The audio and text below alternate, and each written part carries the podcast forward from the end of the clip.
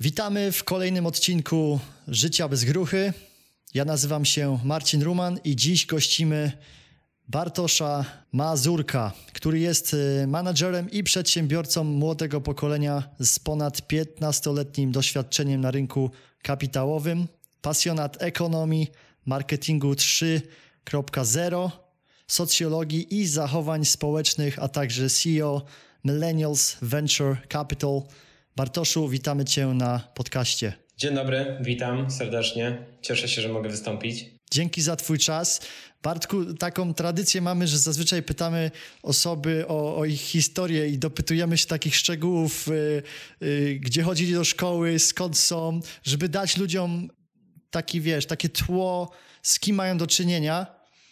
A tak jak powiedziałem, już właśnie masz ogromną wiedzę na rynku kapitałowym i VC, także o tym będziemy tutaj mówić, ale teraz trochę o tobie, żeby ludzie widzieli, kim ty jesteś jako osoba w ogóle. Także weź nas trochę, zabierz, zabierz nas do, do takich wczesnych początków. Jak wczesnych początków? E, studia? Jak najwcześniej pamiętasz i gdzie, gdzie byś e, się chciał podzielić? Może masz jakieś historie z podstawówki, które chciałbyś nam przekazać tutaj, że jakoś się y, spotkałeś z kimś z VC i cię zainspirował? Nie wiem, no Powiedz, y, jak, y, gdzie, gdzie byś chciał zacząć? To myślę, że takim początkiem, który no, najbardziej pamiętam, to bardzo dobrze zdana matura. Ja pochodzę z małej miejscowości e, między Radomiem a Kozienicami w Puszczy Kozienickiej, Pionki. E, zdałem dobrze maturę, szóstkę z matmy, e, e tam reszta piątki. E, dostałem się dzięki temu do Politechnikę Wrocławską we Wrocławiu z samych ocen e, maturalnych matematyka zawsze była moim konikiem. I na Politechnice Wrocławskiej rozpocząłem e, studia na o kierunku zarządzanie e, marketingowe na Wydziale Informatyki i Zarządzania. Tam był bardzo duży miks wiedzy informatycznej, e, marketingowej, zarządzania, ale brakowało mi branży, tak? No bo marketing jest bardzo szeroką dziedziną, informatyka, systemy informatyczne jest szeroką dziedziną, zarządzanie również. Więc czegoś mi brakowało na studiach Politechniki, e, dziennych oczywiście, magistersko-inżynierskich. Więc podjąłem na drugim roku studiów Politechniki podjąłem decyzję o rozpoczęciu drugiego kierunku studiów równolegle na e, Uniwersytecie Ekonomicznym we Wrocławiu o kierunku bankowość i ubezpieczenia. I tak wyobraź sobie, że ciągnąłem te dwa kierunki dzienne, gdzie wtedy w tamtych czasach to było 20 lat temu.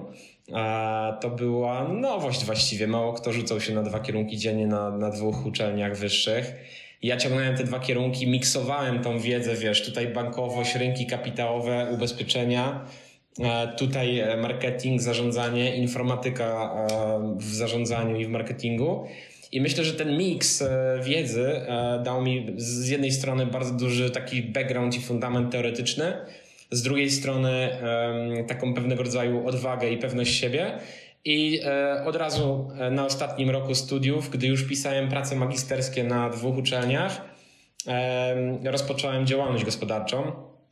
E, stworzyłem firmę Szkoła Inwestowania, która to firma szkoliła ludzi z zakresu inwestowania na giełdzie, inwestowania w fundusze inwestycyjne, inwestowania na rynku kapitałowym i planowania swoich finansów osobistych w celu dążenia do bogacenia się.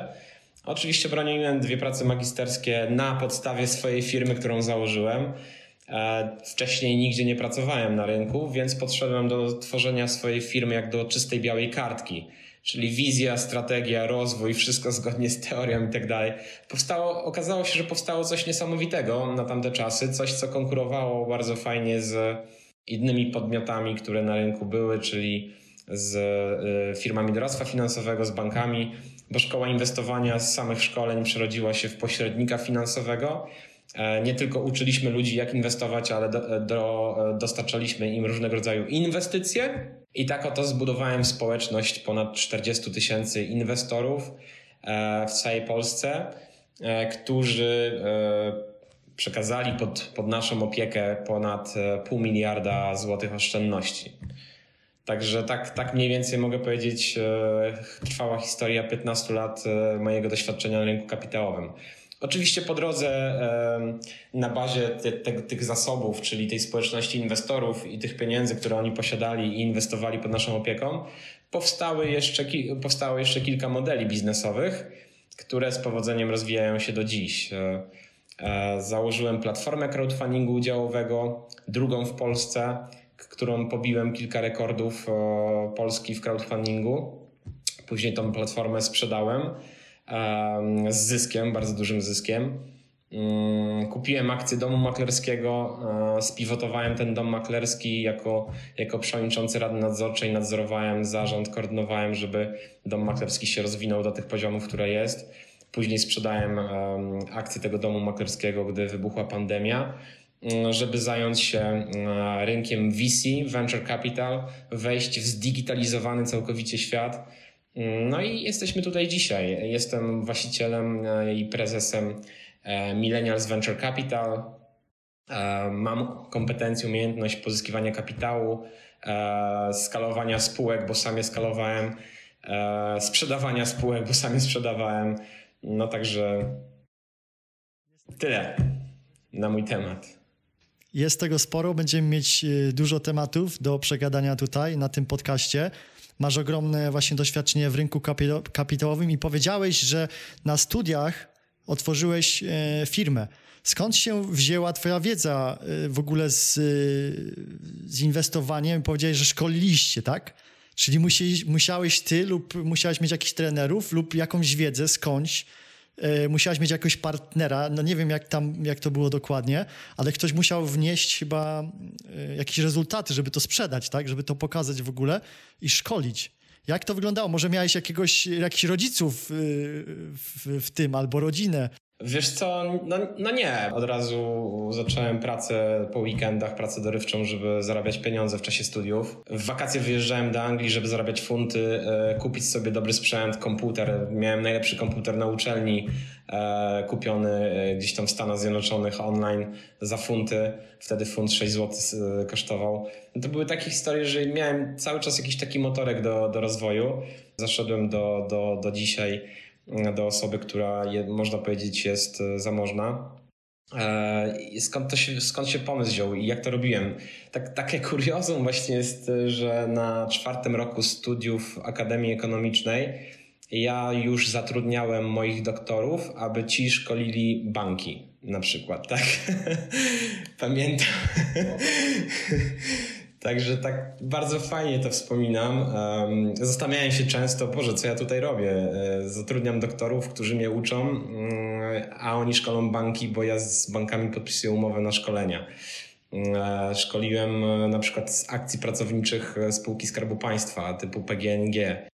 Ale jak to, jak, to, jak to zbudowałeś z niczego? Bo powiedziałeś, że ok, uczyłeś się, ale żeby zacząć y, mieć kontakty w ogóle z, z bankami, żeby mieć te kontrakty. No coś trzeba zrobić, trzeba im coś pokazać, trzeba im to sprzedać. Dobrze mnie nakierowujesz, bo wiesz, takiej auto, autoanalizy ja e, właściwie nigdy nie, nie robiłem, ale można powiedzieć, że kompetencje sprzedażowe miałem od zawsze. Mm, jak, jak wyjeżdżałem w wakacje, żeby dorobić na studiach, to na przykład w Manchesterze karty kredytowe sprzedawałem e, jako praca dorywcza w Warszawie e, też e, w wakacje jeszcze za liceum e, łapałem się takich prac sprzedażowych, które dawały konkretne wyniki za konkretną pracę.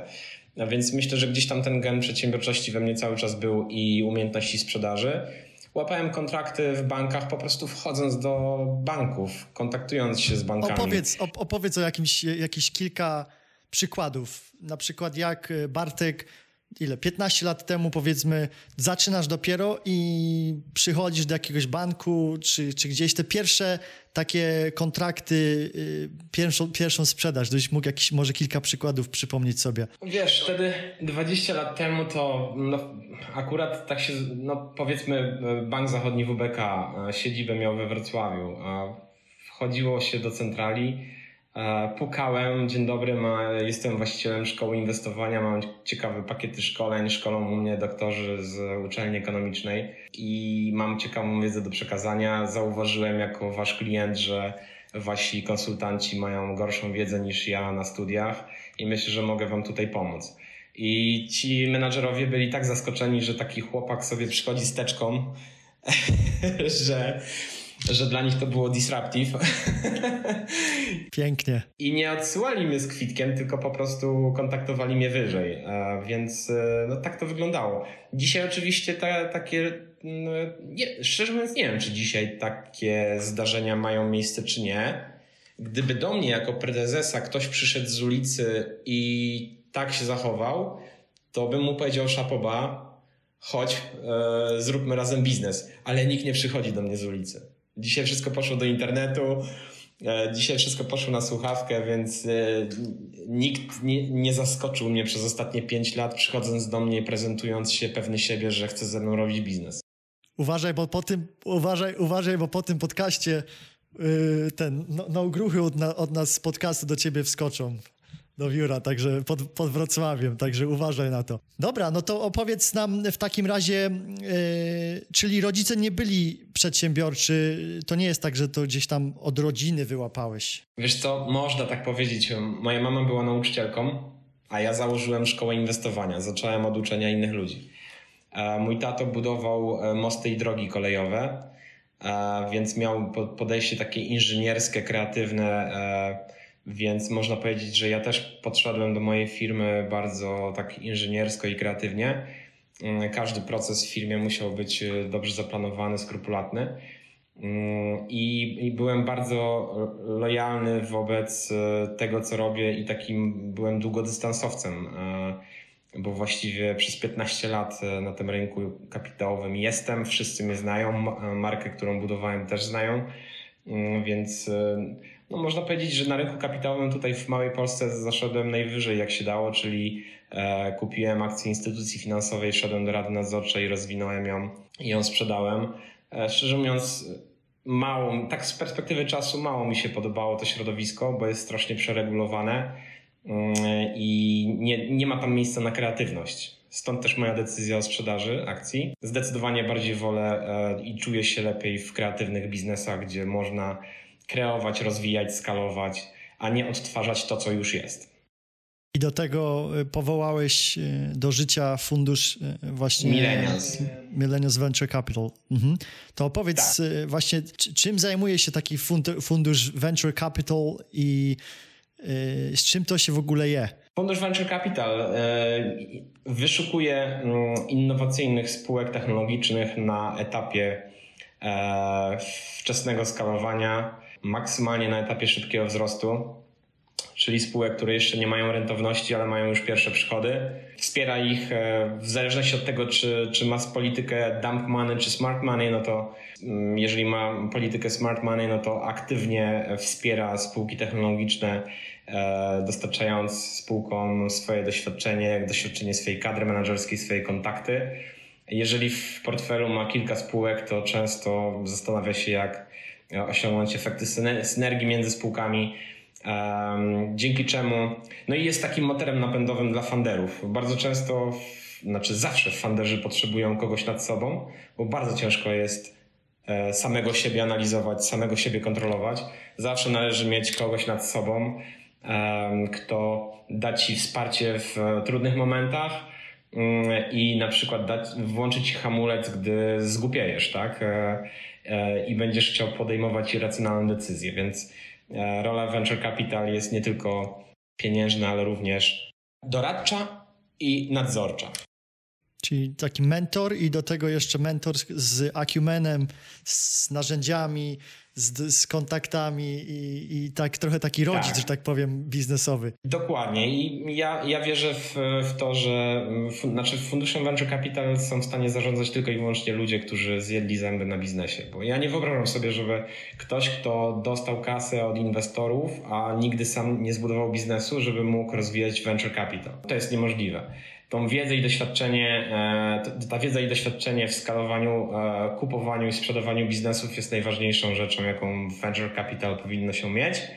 E, a pieniądze przychodzą same, bo ich jest tak ogromna ilość, że pieniądze zawsze znajdą mądrych ludzi i, i umiejętnych ludzi.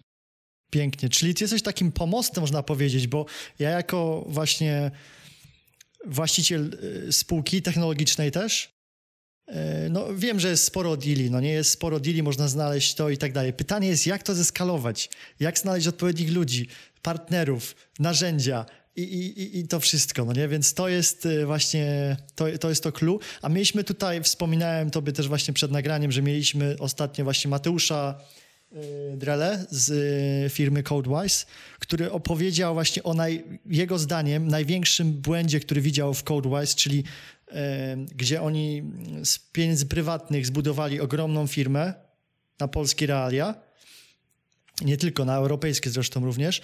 Powiedział, że doszli do, do momentu wyceny ponad 200 milionów y, dolarów. Nie skorzystali z VCs, a ludzie praktycznie VC, inwestorzy, wiesz, pukali do drzwi, wchodzili, wiesz, oknami, drzwiami, y, żeby tylko zainwestować w firmę nie skorzystali z tego i postanowili po prostu, wiesz, prywatnie rozwijać spółkę.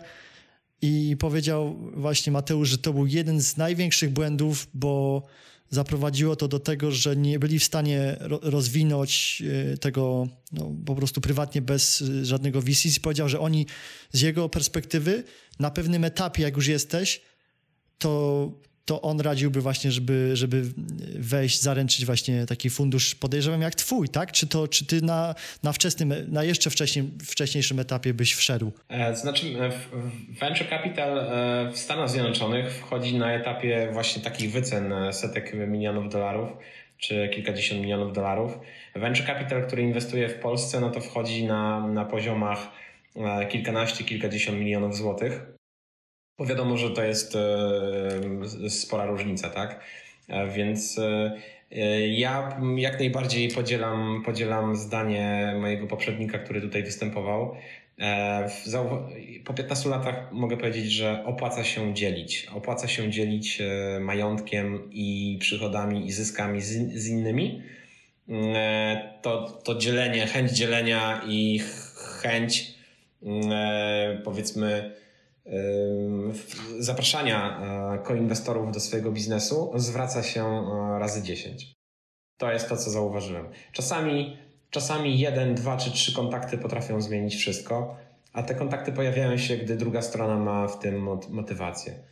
I, I też druga lekcja w moim życiu z kolei, oprócz tego, co mój poprzednik wskazał, Scott Wise, to to, co chciałbym ja przekazać, to to, to żeby zapraszać, e, obracać się bardzo dobrymi wspólnikami. E, samemu człowiek nie jest w stanie pociągnąć biznesu, mając słabego lub średniego wspólnika również nie jest w stanie pociągnąć biznesu. Warto zapraszać mm, wspólników, którzy kochają pracę mm, do szaleństwa i, i mają wspólną wizję mm, i podzielić się z nimi biznesem a dwa, nie traktować tego biznesu jak ostatni w życiu. Bo bardzo często traktujemy biznes, który prowadzimy, jak jedyne dziecko, które mamy, z którym nie możemy się podzielić z innymi. A mm, przecież e, życie jest bardzo długie i e, biznesy można tworzyć raz na 10 lat spokojnie w dzisiejszych czasach, bo absorpcja i adopcja innowacji e, i produktu jest dużo szybsza niż kiedyś. Kiedyś jak ktoś stworzył telewizor, to mógł go rozwijać całe życie i skończyć na telewizorze. Dzisiaj e, tworzysz aplikację mobilną, rozwijasz ją do skali globalnej w 10 lat i za 10 lat możesz stworzyć kolejną aplikację mobilną, ale już na blockchainie, prawda? Mm, więc e, dzielenie się biznesem z innymi to jest bardzo dobra rzecz. Szybciej się skalują te biznesy a człowiek może po 10 latach odciąć kupony i założyć nowy biznes. Co zresztą doświadczamy w Dolinie Krzemowej, prawda? Dzisiaj, e, jak zauważysz, na rynku blockchain, e, na rynku kryptowalutowym, e, najciekawsze projekty DeFi na przykład ogłaszają, że przejęli topowych menadżerów z rynku kapitałowego, którzy rozwijali jakieś tam banki inwestycyjne przez wiele lat, a dzisiaj wchodzą do giełd kryptowalut czy do projektów blockchainowych, prawda? Tak, z, z, tak, ludzie z Limana i z y, Burnsters e, i, i tak dalej wchodzą teraz właśnie w projekty DeFi'owe, tak jak wspomniałeś. Dokładnie. Także y, przejdziemy sobie jeszcze do kryptowalut na sam koniec, także dajemy taką zapowiedź jeszcze tutaj, ale chciałem się odnieść do tego, co powiedziałeś, że ja usłyszałem taką wypowiedź takiego gościa w Londynie. On powiedział, zadał mi takie pytanie. Wolałbyś mieć 100% firmy, która jest warta milion dolarów, czy chciałbyś mieć 10% firmy, która jest warta 100 milionów dolarów. No, zgadza się. Zgadza I właśnie to, to odpowiada chyba na, właśnie na to pytanie, które, y, y, które sobie właśnie dużo founderów zadaje, czy ludzi, którzy w ogóle mają cokolwiek z biznesem związanego. Przejdźmy teraz do tego, dlaczego y, w ogóle ty powołałeś ten fundusz i dlaczego Millennials? Dlaczego w ogóle taka nazwa? Millennials to jest nazwa, która um, jest pochodną grupy docelowej, do której trafiamy. E, fundusze VC e, mają dwóch, stoją na dwóch nogach. Pierwsza noga to są inwestorzy, druga noga to są spółki technologiczne. I my e, powołaliśmy fundusz, do którego zapraszamy milenialsów, po to, żeby milenialsi inwestowali w milenialsów, czyli founderów większości spółek technologicznych. Jak zobaczysz dzisiaj, większość unicornów i dekakornów została założona przez E, founderów, którzy byli między 25 a 40 rokiem życia.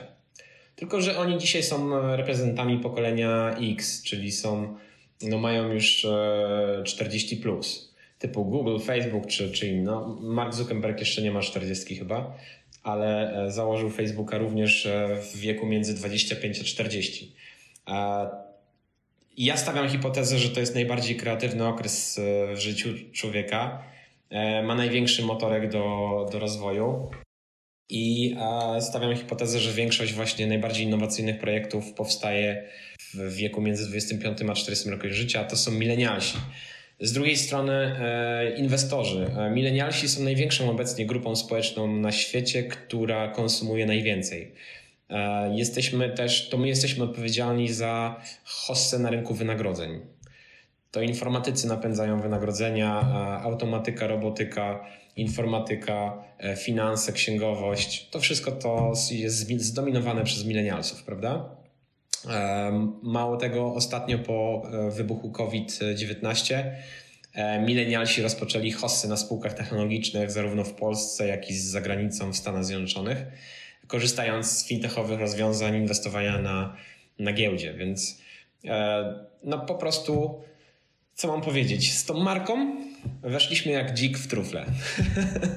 Dobra. I waszym, waszym celem jest. Yy, właśnie, co jest waszym celem? Naszym celem jest, yy, naszą misją, w ogóle naszą misją jest to, aby yy, tworzyć produkt inwestycyjny dla milenialsów, którzy mają nadwyżki finansowe i chcą je pomnażać, a pieniądze gromadzone w funduszu inwestować w milenialsów, którzy mają wizję, e, przedsiębiorczość i chcą te pieniądze wykorzystać do skalowania i tworzenia unicornów, czyli spółek technologicznych, które mają szansę osiągnąć e, miliardowe wyceny. A czym na przykład różni się e, taki wasz fundusz, czyli na przykład powiedzmy, że mamy sobie milenialsa, on ma pieniądze i chce, je pomnażać. Teraz on się zastanawia, czy ja chcę zainwestować w Tesla, na mojej, rewolu- na, moim, na mojej aplikacji Revoluta, powiedzmy, że ta osoba nie ma jakiś tam, nie wiem, pro trading account czy,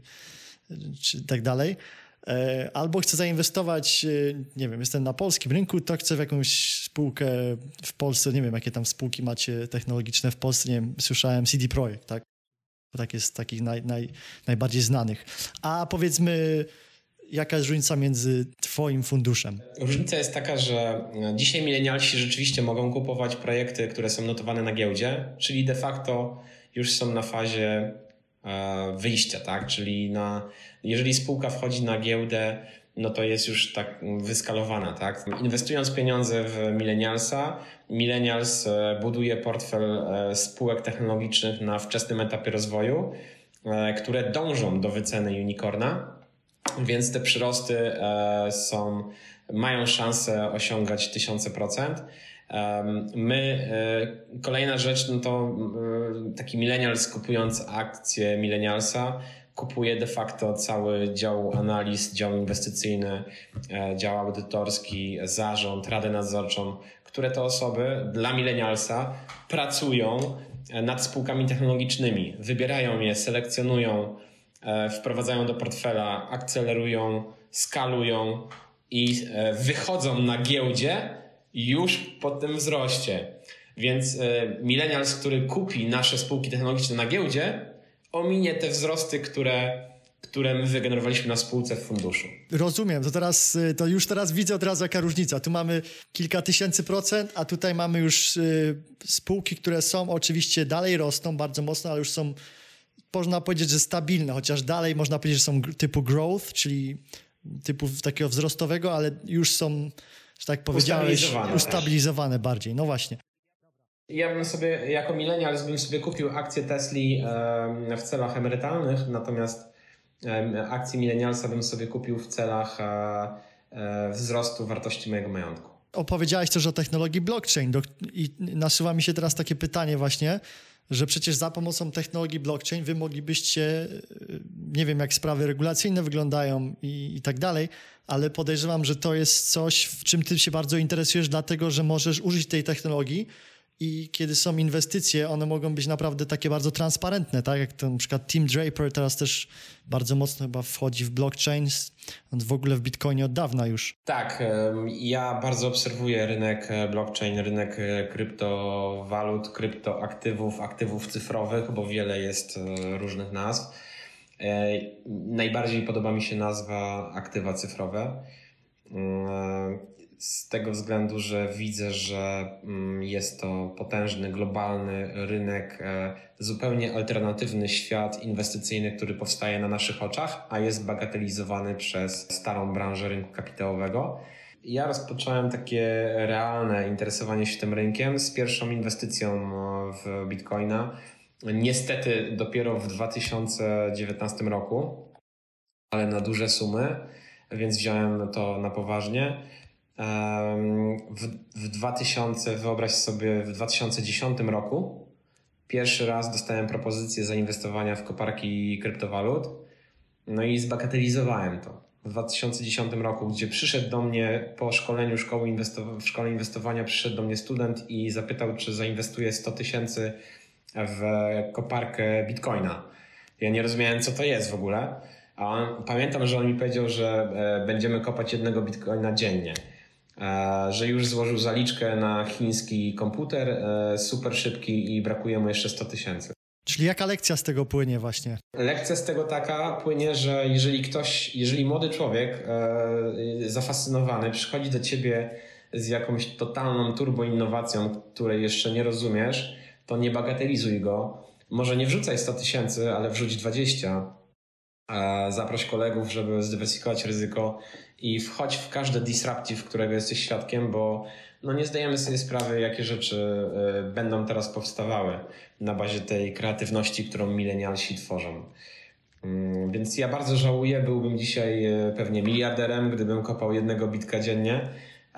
Dopiero, zobacz, dopiero 9 lat później e, kupiłem bitcoiny w 2019 roku, na szczęście na korekcie, a w 2016 roku e, odbywałem korepetycje ja, słuchaj, wziąłem sobie w 2016 roku korepetytora do krypto i do bitcoina, bo moi inwestorzy w szkole inwestowania pytali, co to jest, czy może w to warto zainwestować.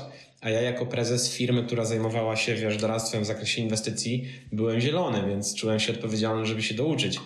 I 2016-17 się korepetytowałem, 18 e, obserwowałem tą falę, e, która była, bo to był chyba 18 i po pęknięciu tej, tej bańki, tej fali e, wszedłem na korekcie w 2019. Nie żałuję oczywiście, no wiadomo, że, że, że no jest rewelacyjnie, e, Pocią ale wkręciłem... Po, pociągnąłeś za spust, to dopiero i tak są bardzo wczesne początki tego, co, co ja widzę w ogóle. Ja słuchaj, wszedłem dopiero w tym roku, na początku no ja, tego słuchaj, roku. W, tym, w tym roku to ja zacząłem wchodzić w projekty DeFi, um, czyli zdecentralizowanych finansów. Um, więc y, Bitcoin już, Bitcoin już jest dla mnie takim WIGiem 20. E, po prostu e, tym cyfrową, cyfrowym dolarem, cyfrową walutą, takim niedługo pewnie będzie stablecoinem. Indeksem, S&P w takim 500 można powiedzieć. Tak, e, więc e, no nie zdziwiłbym się, gdyby to był główny środek płatniczy, taki globalny e, Bitcoin. Natomiast zaczęły mnie bardzo interesować te projekty zdecentralizowane w zdecentralizowanych finansach i zacząłem się im bardzo przyglądać i już powolutku sobie skupuję to, w co wierzę. Gdy czytam, czym się zajmuję, jaki ma sens, misję, wizję, strategię plus ludzi, którzy tam wchodzą, sumuję to sobie i traktuję jako startupy, ale tak prywatnie, tak? Czy, czy założę fundusz kryptowalutowy? Marzy mi się, natomiast regulacje jeszcze na to nie pozwalają. Trzeba naprawdę strasznie naokoło kombinować, żeby to założyć, ale, ale wierzę w to, że będąc prywatnie, hobbystycznie na tym rynku, ja będę gotowy, żeby odpalić fundusz, gdy e, będą poukładane do tego regulacje. Dzisiaj e, mamy fundusz Millennials Venture Capital, który inwestuje w e, spółki akcyjne i spółki ZO, a wierzę w to, że powstanie kopia Millennialsa, która będzie inwestowała w krypto projekty. Pięknie. Słuchaj, y, mam tutaj jeszcze dla ciebie kilka pytań odnośnie waszej obecnej sytuacji. Powiedziałeś właśnie, że inwestujecie w spółki ZO. Y, czy, czy inwestujecie tylko w Polsce, czy też jakby przyszła do was na przykład jakaś osoba spoza Polski, to też jesteś zainteresowany? W portfelu mamy e, mm, spółkę Tespak z Finlandii, E, Robo z Austrii, Lovely e, z Ameryki, mm, e, a reszta spółek jest z Polski. Bivrost polski, Bailando jest polskie i Femion Technology też jest polskie. Czyli połowę portfela mamy z polskich spółek, połowę zagranicznych. Jesteśmy otwarci na, na wszystkie destynacje. I teraz chciałbym, bo mamy dwa profile, rozumiem. Mamy inwestorów, millennials i mamy firmy, które... Founderów. Tak. To teraz powiedzmy, że jest sobie taka firma gdzieś w Polsce, czy, czy no głównie mamy polską audiencję, ale e, powiedzmy, że mamy, mamy jakiegoś właściciela firmy, który chce do Was przyjść, zgłosić się, porozmawiać nawet na taką rozmowę. E, to żeby nie tracić e, Waszego czasu, jego czasu, to jakie by były parametry, żeby najlepiej znać teraz zanim taka osoba się do ciebie zgłosi, żeby przyjść w ogóle pogadać o biznesie? Spółka musi generować przychody nie musi mieć zysków. Musi mieć przychody, potwierdzone transakcje i musi należeć do top 10 branż i sektorów, e, które mamy w polityce inwestycyjnej funduszu. Na stronie internetowej te top 10 branż i sektorów można przeczytać. Tam wśród nich jest EdTech, Education Technology, MedTech, FinTech, um, Energy Tech, Blockchain, co tam jeszcze? Martech, Marketing Technology. No, na stronie internetowej są wymienione, tak? Teraz na, na szybko nie wypadło mi z głowy. E, AI, czyli rozszerzona no, sztuczna inteligencja. No i to, co jest na, na stronie internetowej, jeszcze dwie branże. Macie jakieś agencje, na przykład software'owe, które nie wiem, współpracują z innymi firmami i same produkują też jakiś software? Mamy. Mm, czy, czy, czy zainwestowaliśmy w taką agencję? Tak, czy w ogóle jesteście, czy to też e, właśnie wchodzi w, w rachubę?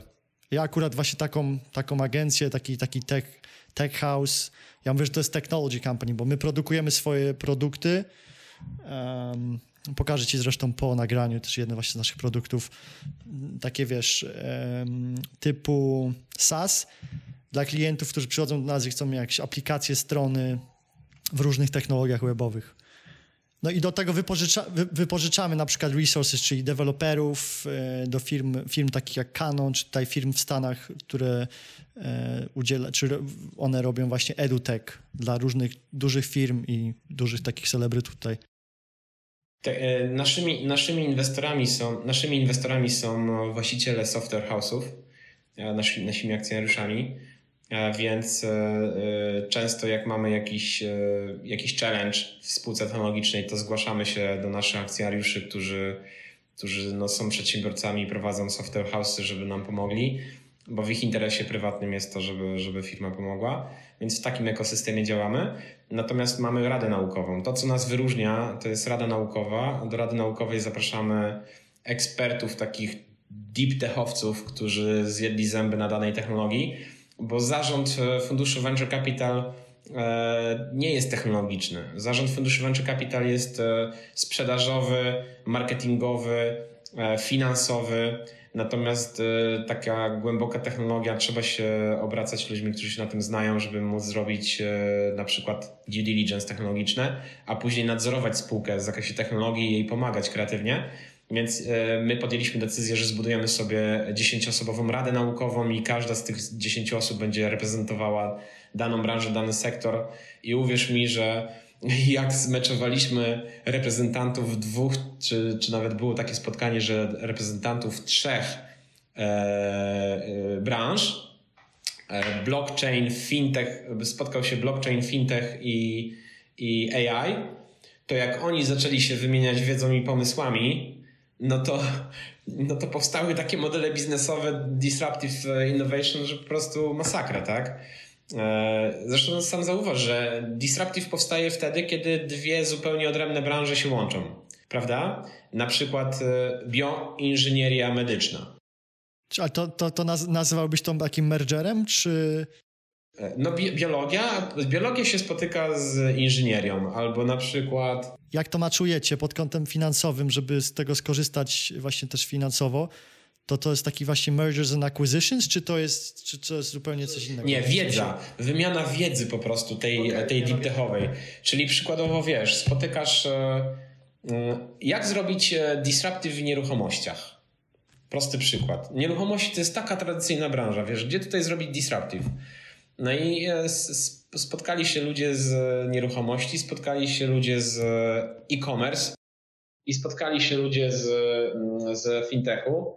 I jak zaczęliśmy sobie rozmawiać, no to e, powstał pomysł e, na, dla Bailando, czyli pierwszego w Polsce, nie wiem czy nie w Europie, marketplace'u do gruntów, który odwraca zupełnie model biznesowy, bo martechowcy, którzy zbudowali Bailando, czyli ten marketplace do gruntów, do działek, odwracają model biznesowy i robią tak, że masz ziemię, którą chcesz sprzedać, to ją wystaw na Bailando, a martechowcy dotrą e, e, technologią e, push marketingu do osób, które pasują do tej ziemi.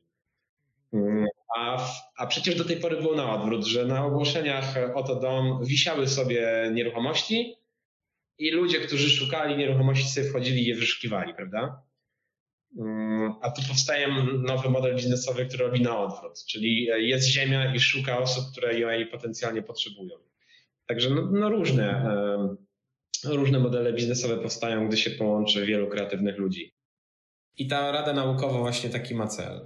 Jasne. Czyli właśnie wspomniałeś o Bailando, jeszcze mówiłeś o... Femion Technology. Femion Technology. Mhm. No może opowiesz trochę o tej spółce też. Femion Technology to jest e, spółka, która powstała na e, która powstała na starej grupie kapitałowej SMS Credit Holding, e, notowanej na giełdzie. Mianowicie był sobie SMS Credit Holding notowany na giełdzie, firma pożyczkowa, która pożyczała, zaczynała jako innowacyjny podmiot, który pożyczał z użyciem SMS-ów, czyli łączył technologię mobile z pożyczaniem pieniędzy. Mm, udzielili pożyczek i zarządzali portfelem wierzytelności na ponad miliard złotych w Polsce, co było dobrym wyczynem. I gdy wybuchła pandemia, to prezes e, spółki tego holdingu E, pożyczkowo-windykacyjnego zaproponował e, akcjonariuszom odkupienie spółki, bo widział w niej ogromny potencjał. W tych zasobach, które powstały, starych zasobach i w licencjach, które spółka po drodze zdobyła, widział potencjał open bankingu, big data, paytech i fintech. A że był informatykiem i prawnikiem, zobacz, informatykiem i prawnikiem, widzisz, dwie branże, łączą się, to potrafi wyobrazić sobie model biznesowy, który rozwali rzeczywistość. No i tak się stało.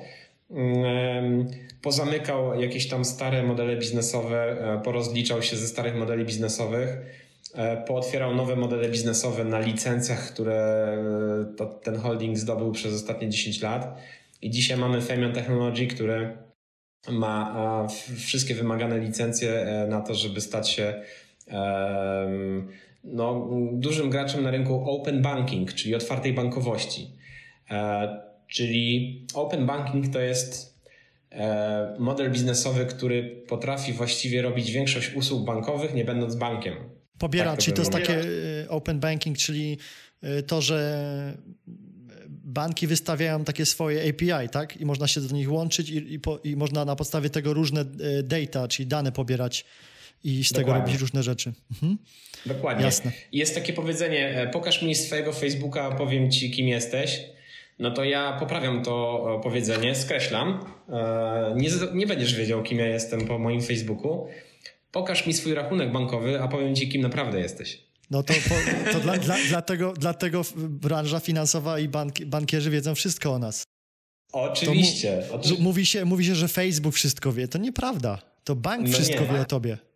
Tak. Dokładnie wszystko, dlatego że większość ludzi używa teraz właśnie, używamy cały czas elektronicznych płatności. Już nie, nie widzisz, żeby ktoś, chyba że w Niemczech jesteś, w Berlinie jeszcze ostatnio jak byłem, to płacisz gotówką. Musiałem do banku lecieć chyba z 10 minut, żeby e, wypłacić z bankomatu. Tak, no po, wiesz, po moim Facebooku nie będziesz wiedział, um, czy ja oglądam Netflixa, a po moim banku będziesz wiedział. Po jednym banku mało wiesz, ale wyobraź sobie, że agregujesz dane e, ze wszystkich banków, to wtedy no, masz kulę, kulę do przewidywania przyszłości. Autentycznie. Bo większość rzeczy, które zamierzasz zrobić, płacisz wcześniej, albo płacisz w abonamencie i po, po danych bankowych e, zagregowanych z całego świata, no to miałbyś po prostu kulę, która przewiduje przyszłość. Czyli jedna rzecz, ta, ta informacja jest y, bezcenna, a druga rzecz wykorzystanie tej informacji i implementacja. Dokładnie, dlatego big data, mm, paytech i fintech e, zaimplementowany w Femionie mm, pozwoli naprawdę zbudować Femionowi dużo modeli biznesowych. Zresztą pierwszy już ogłosił, bo spółka jest notowana na Uniconnectie. Pierwszy model biznesowy ogłosił E, uruchomił jako pierwszy w Polsce windykację w modelu subskrypcyjnym. Czyli te, Netflix e, w windykacji powstał. Mianowicie, jeżeli masz działalność gospodarczą i masz kilku tam kooperatorów, z którymi kooperujesz i ci zalegają z jakimiś płatnościami, to kupujesz e, za 49 zł miesięcznie kupujesz w abonamencie windykację zaległe faktury tylko zrzucasz do firmy windykacyjnej, ona windykuje na własny rachunek, a kosztuje cię to tylko 49 zł miesięcznie. I się nie, nie interesujesz, a oni już dzwonią, serwisują, e, windykują, e, zarabiają na kosztach e, windykacji i procesowania. Interesujące. Dobrze, to powiedz mi teraz, mm, zamienimy się w taką kryształową kulę. Co Was czeka w przyszłości? Jakie spółki jeszcze zamierzacie, w jakie spółki jeszcze zamierzacie inwestować?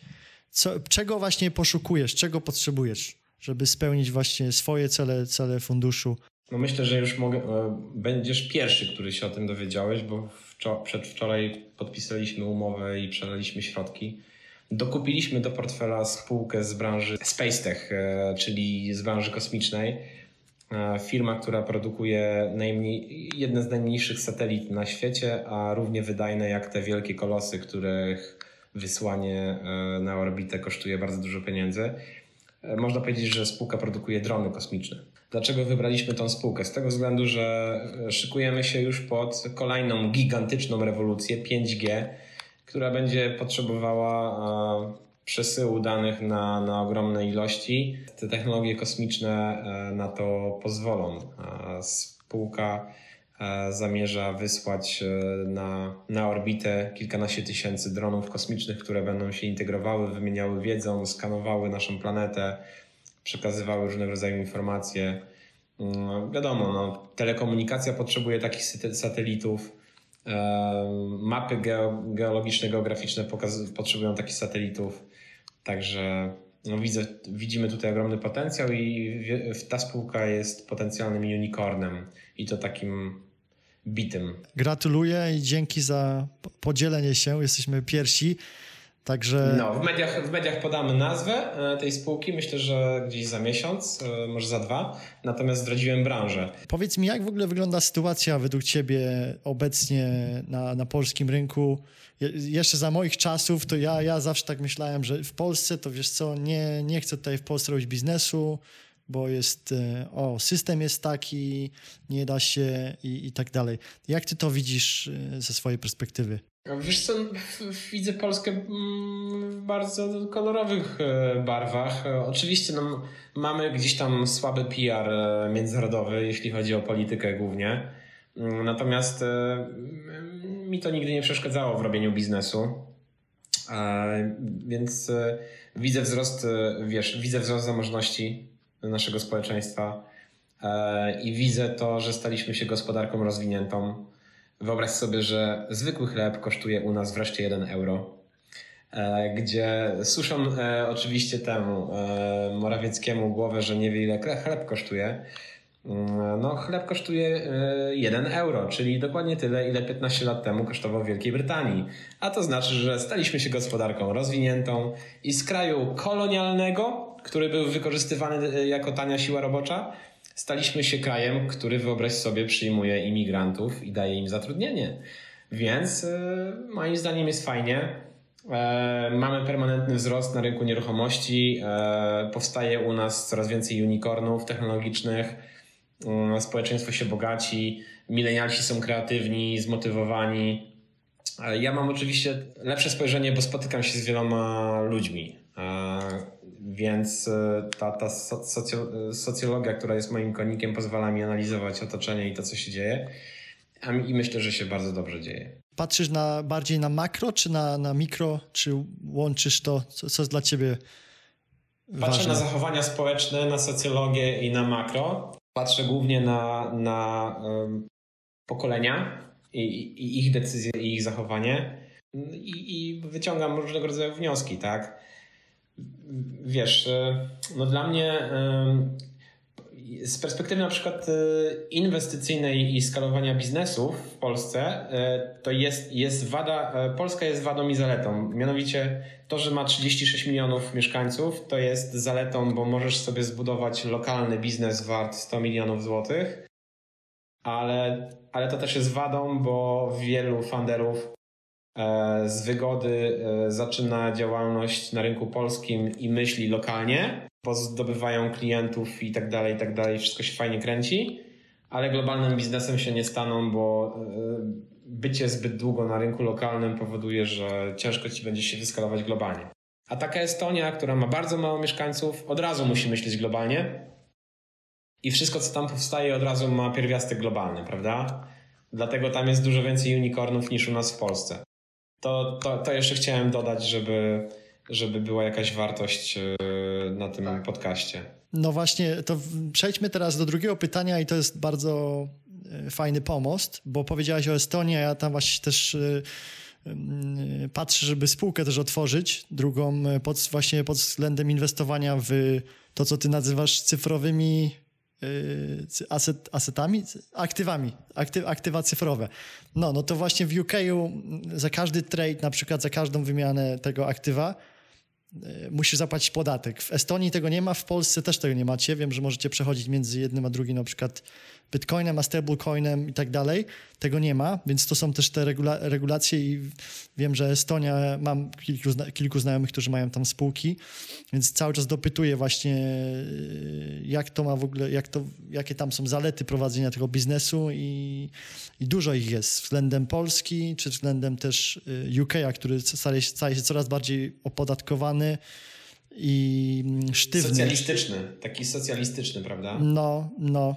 Dokładnie. Więc przechodzę do tego drugiego pytania. E, e, właśnie, jeżeli inwestowałbyś, e, byłbyś na przykład młodym milenialsem. Jest, jestem, starym, jestem starym milenialsem, bo mam 37 lat. Tak, 37 lat, więc jestem starym milenialsem. Jeszcze 3 lata byłbym starszy i już bym był X-em.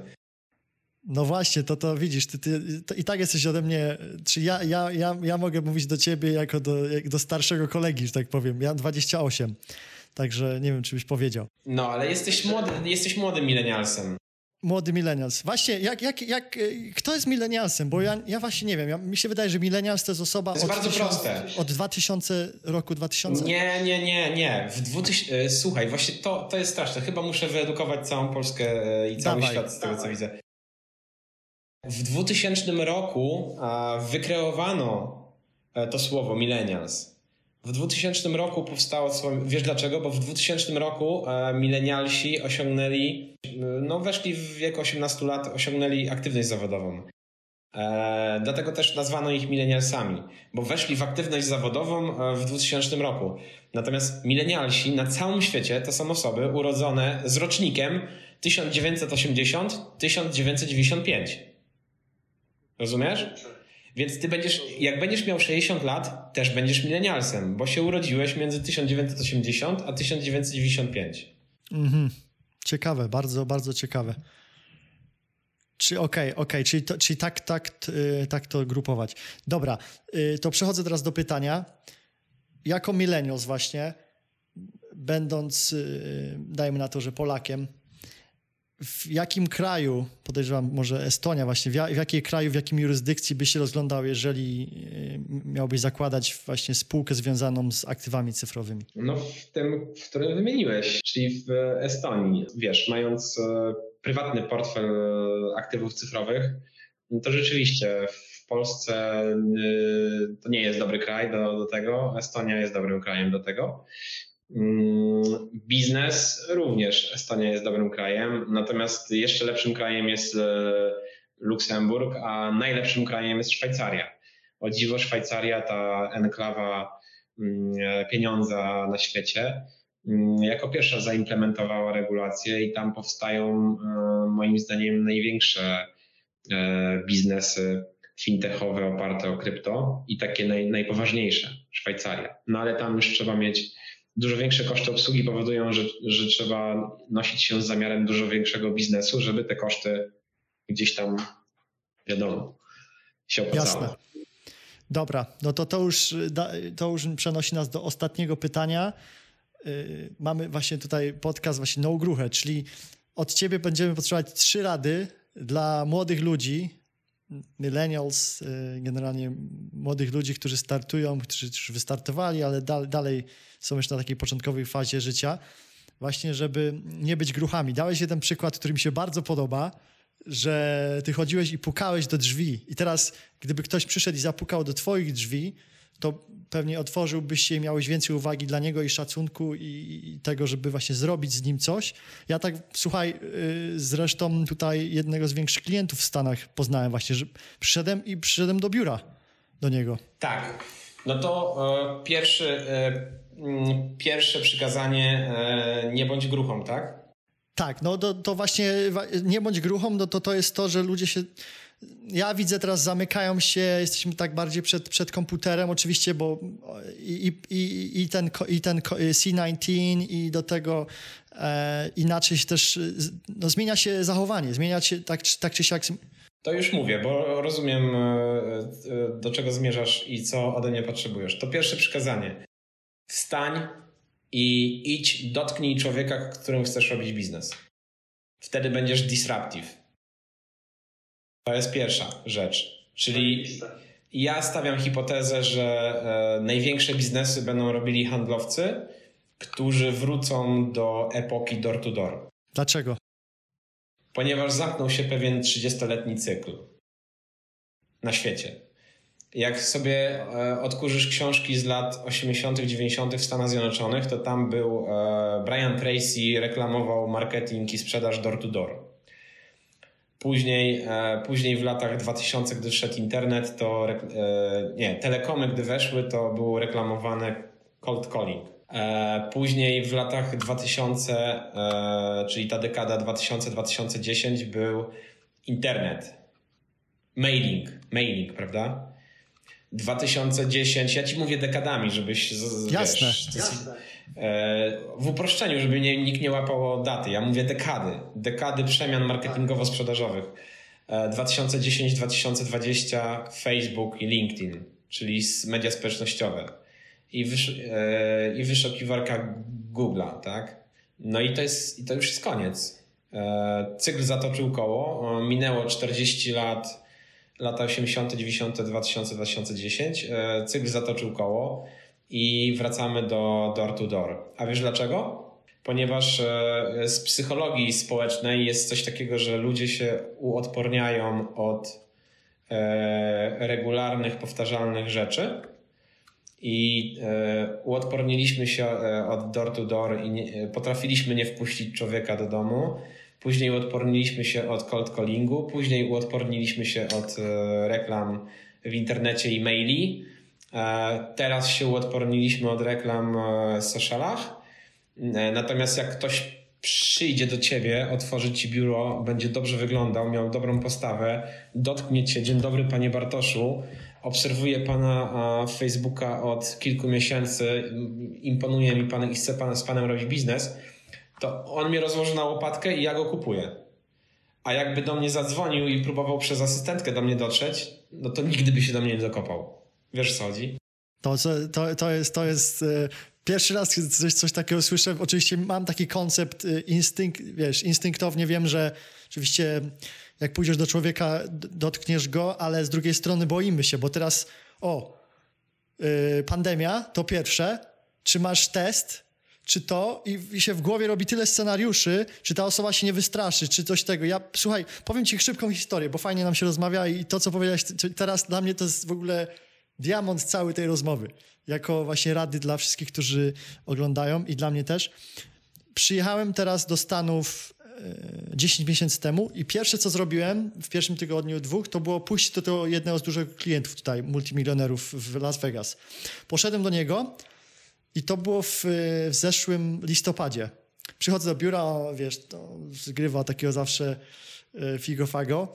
Idę do niego i on pierwsze co, to się pyta, czy nie przyniosłem ze sobą wirusa, nie?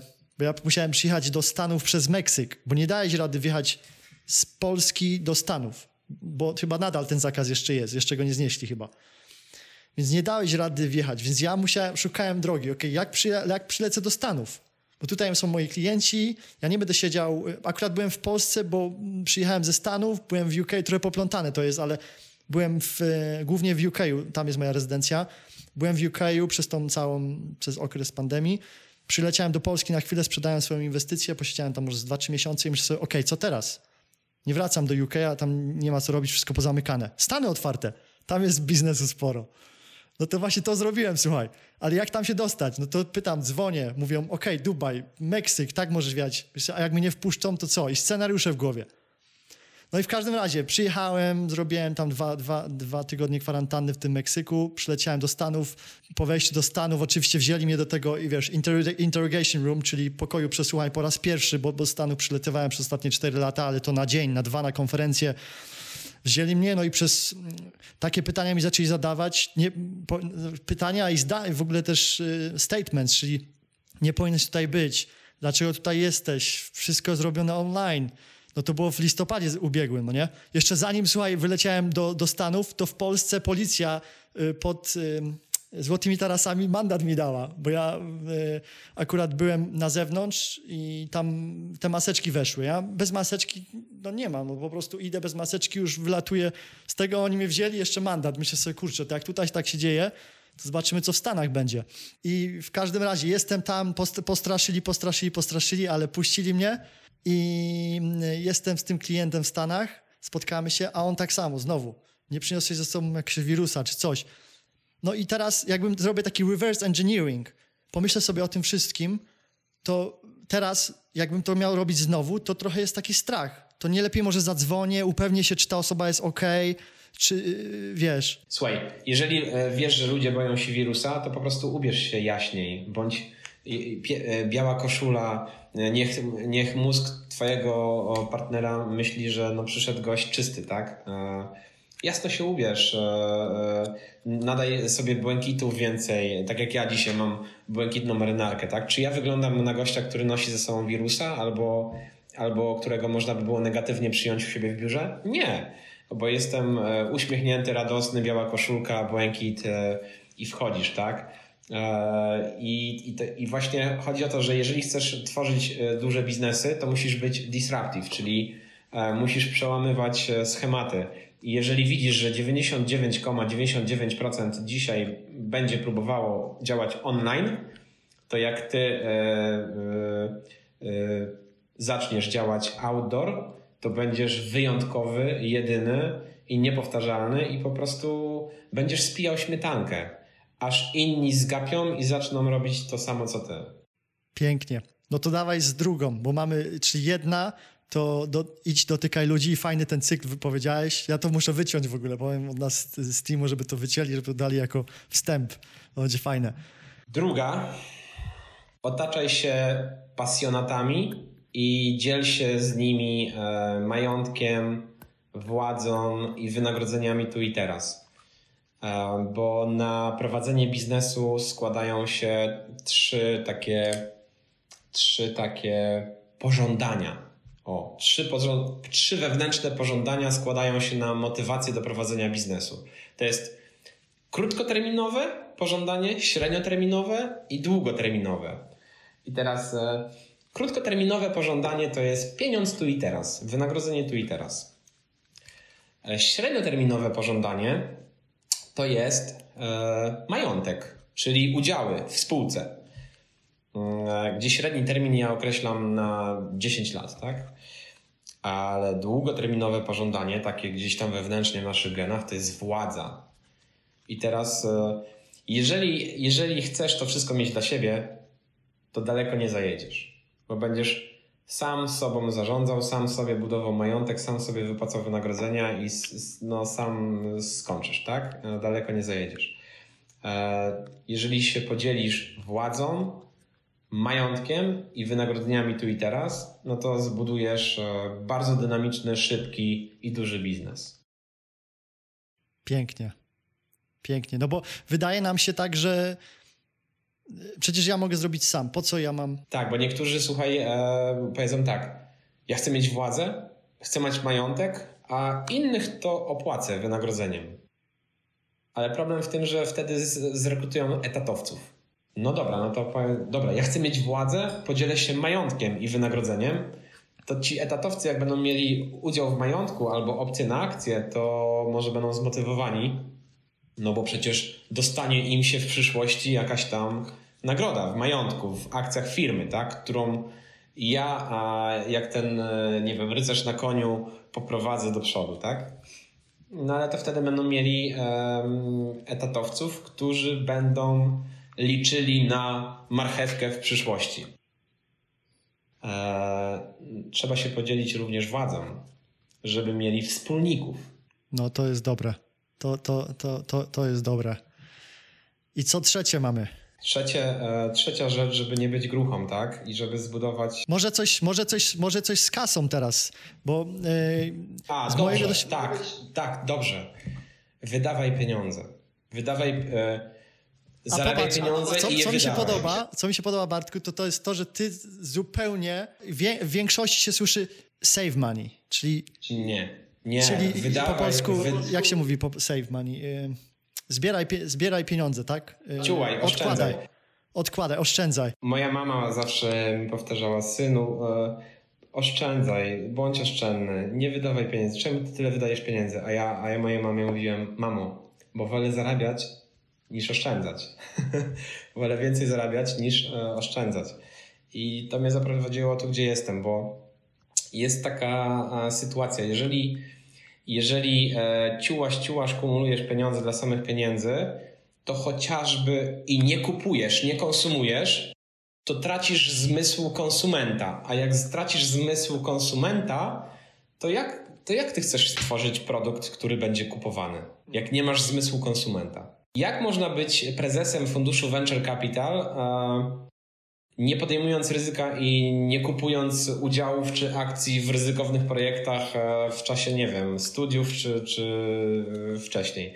Albo jak można być funduszem, e, nie wiem.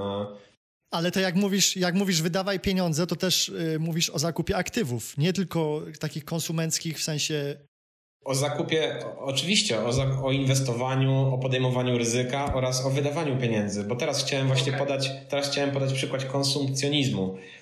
E, jak można tworzyć e, fundusz venture capital i zapraszać e, inwestorów profesjonalnych, czyli milionerów do swojego funduszu, jeżdżąc z kodą?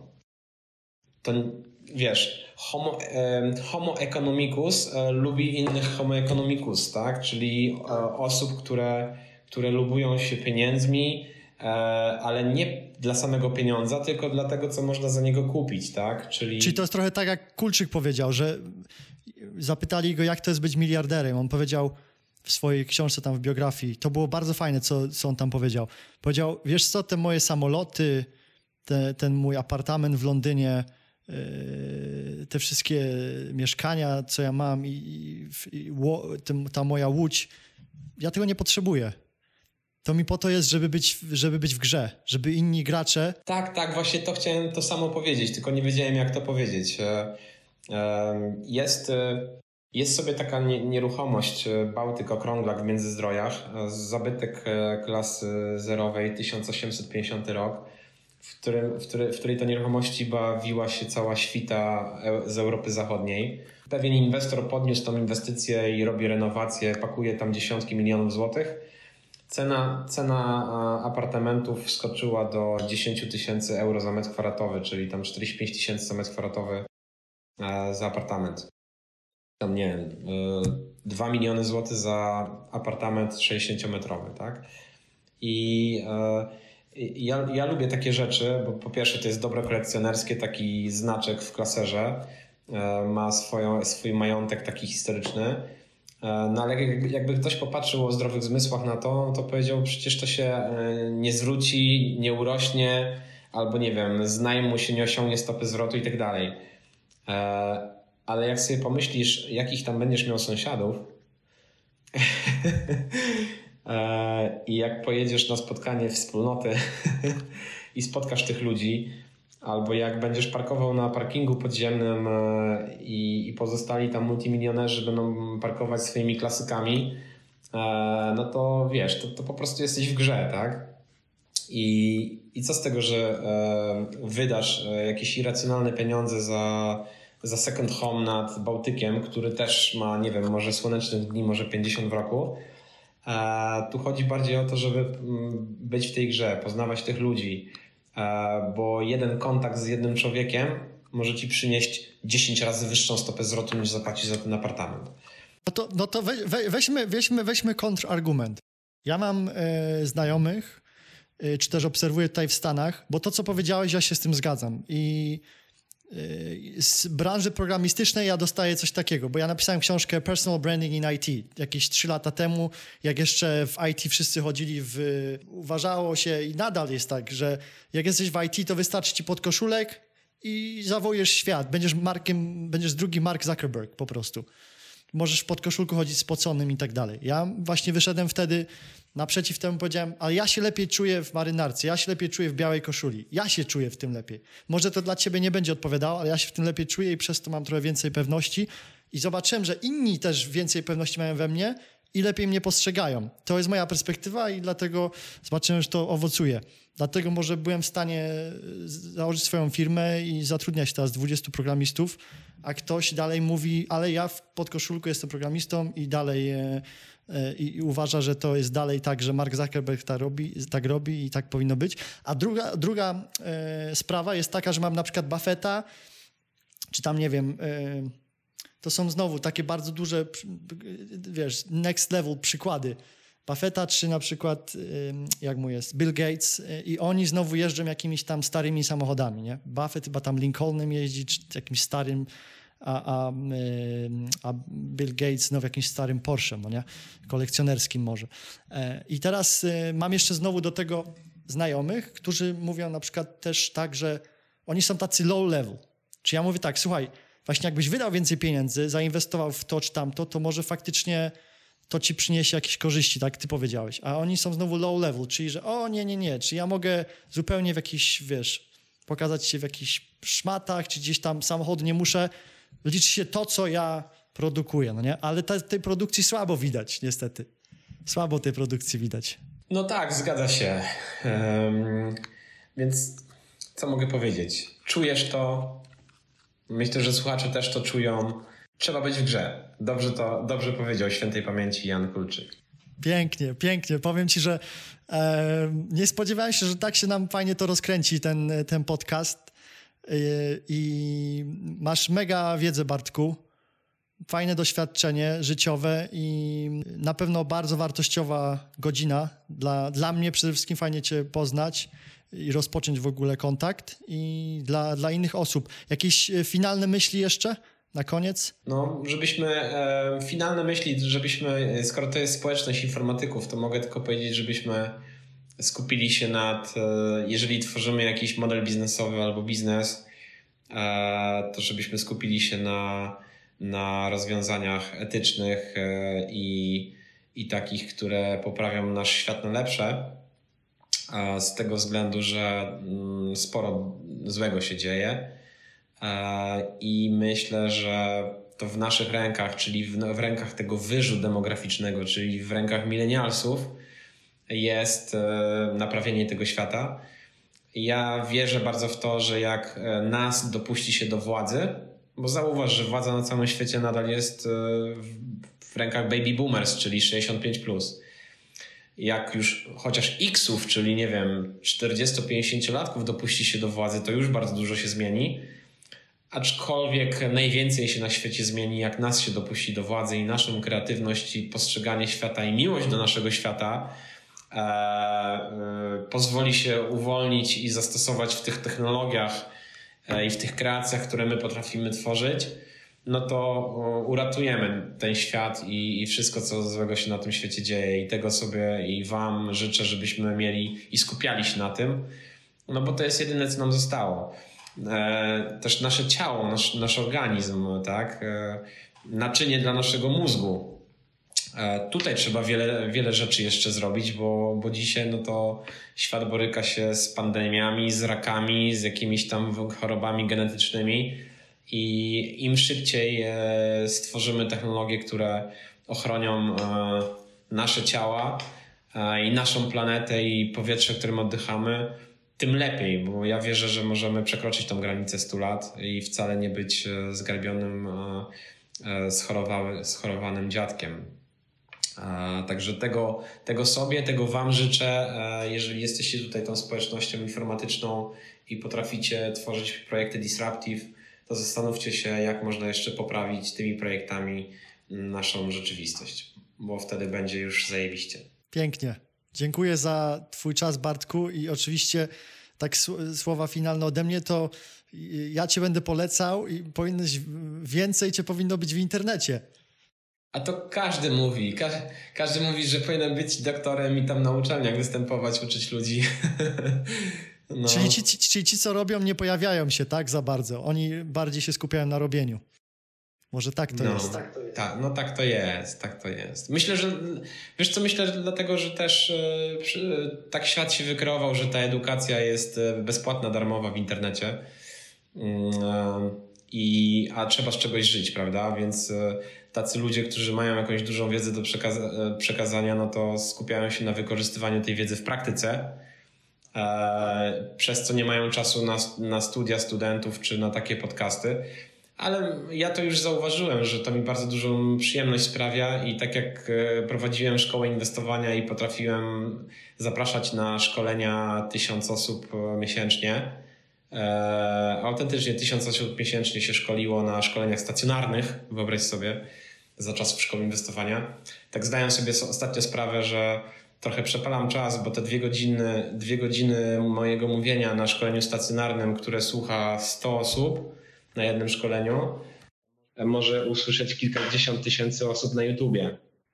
Więc myślę, że będzie mnie coraz więcej e, w tych mediach.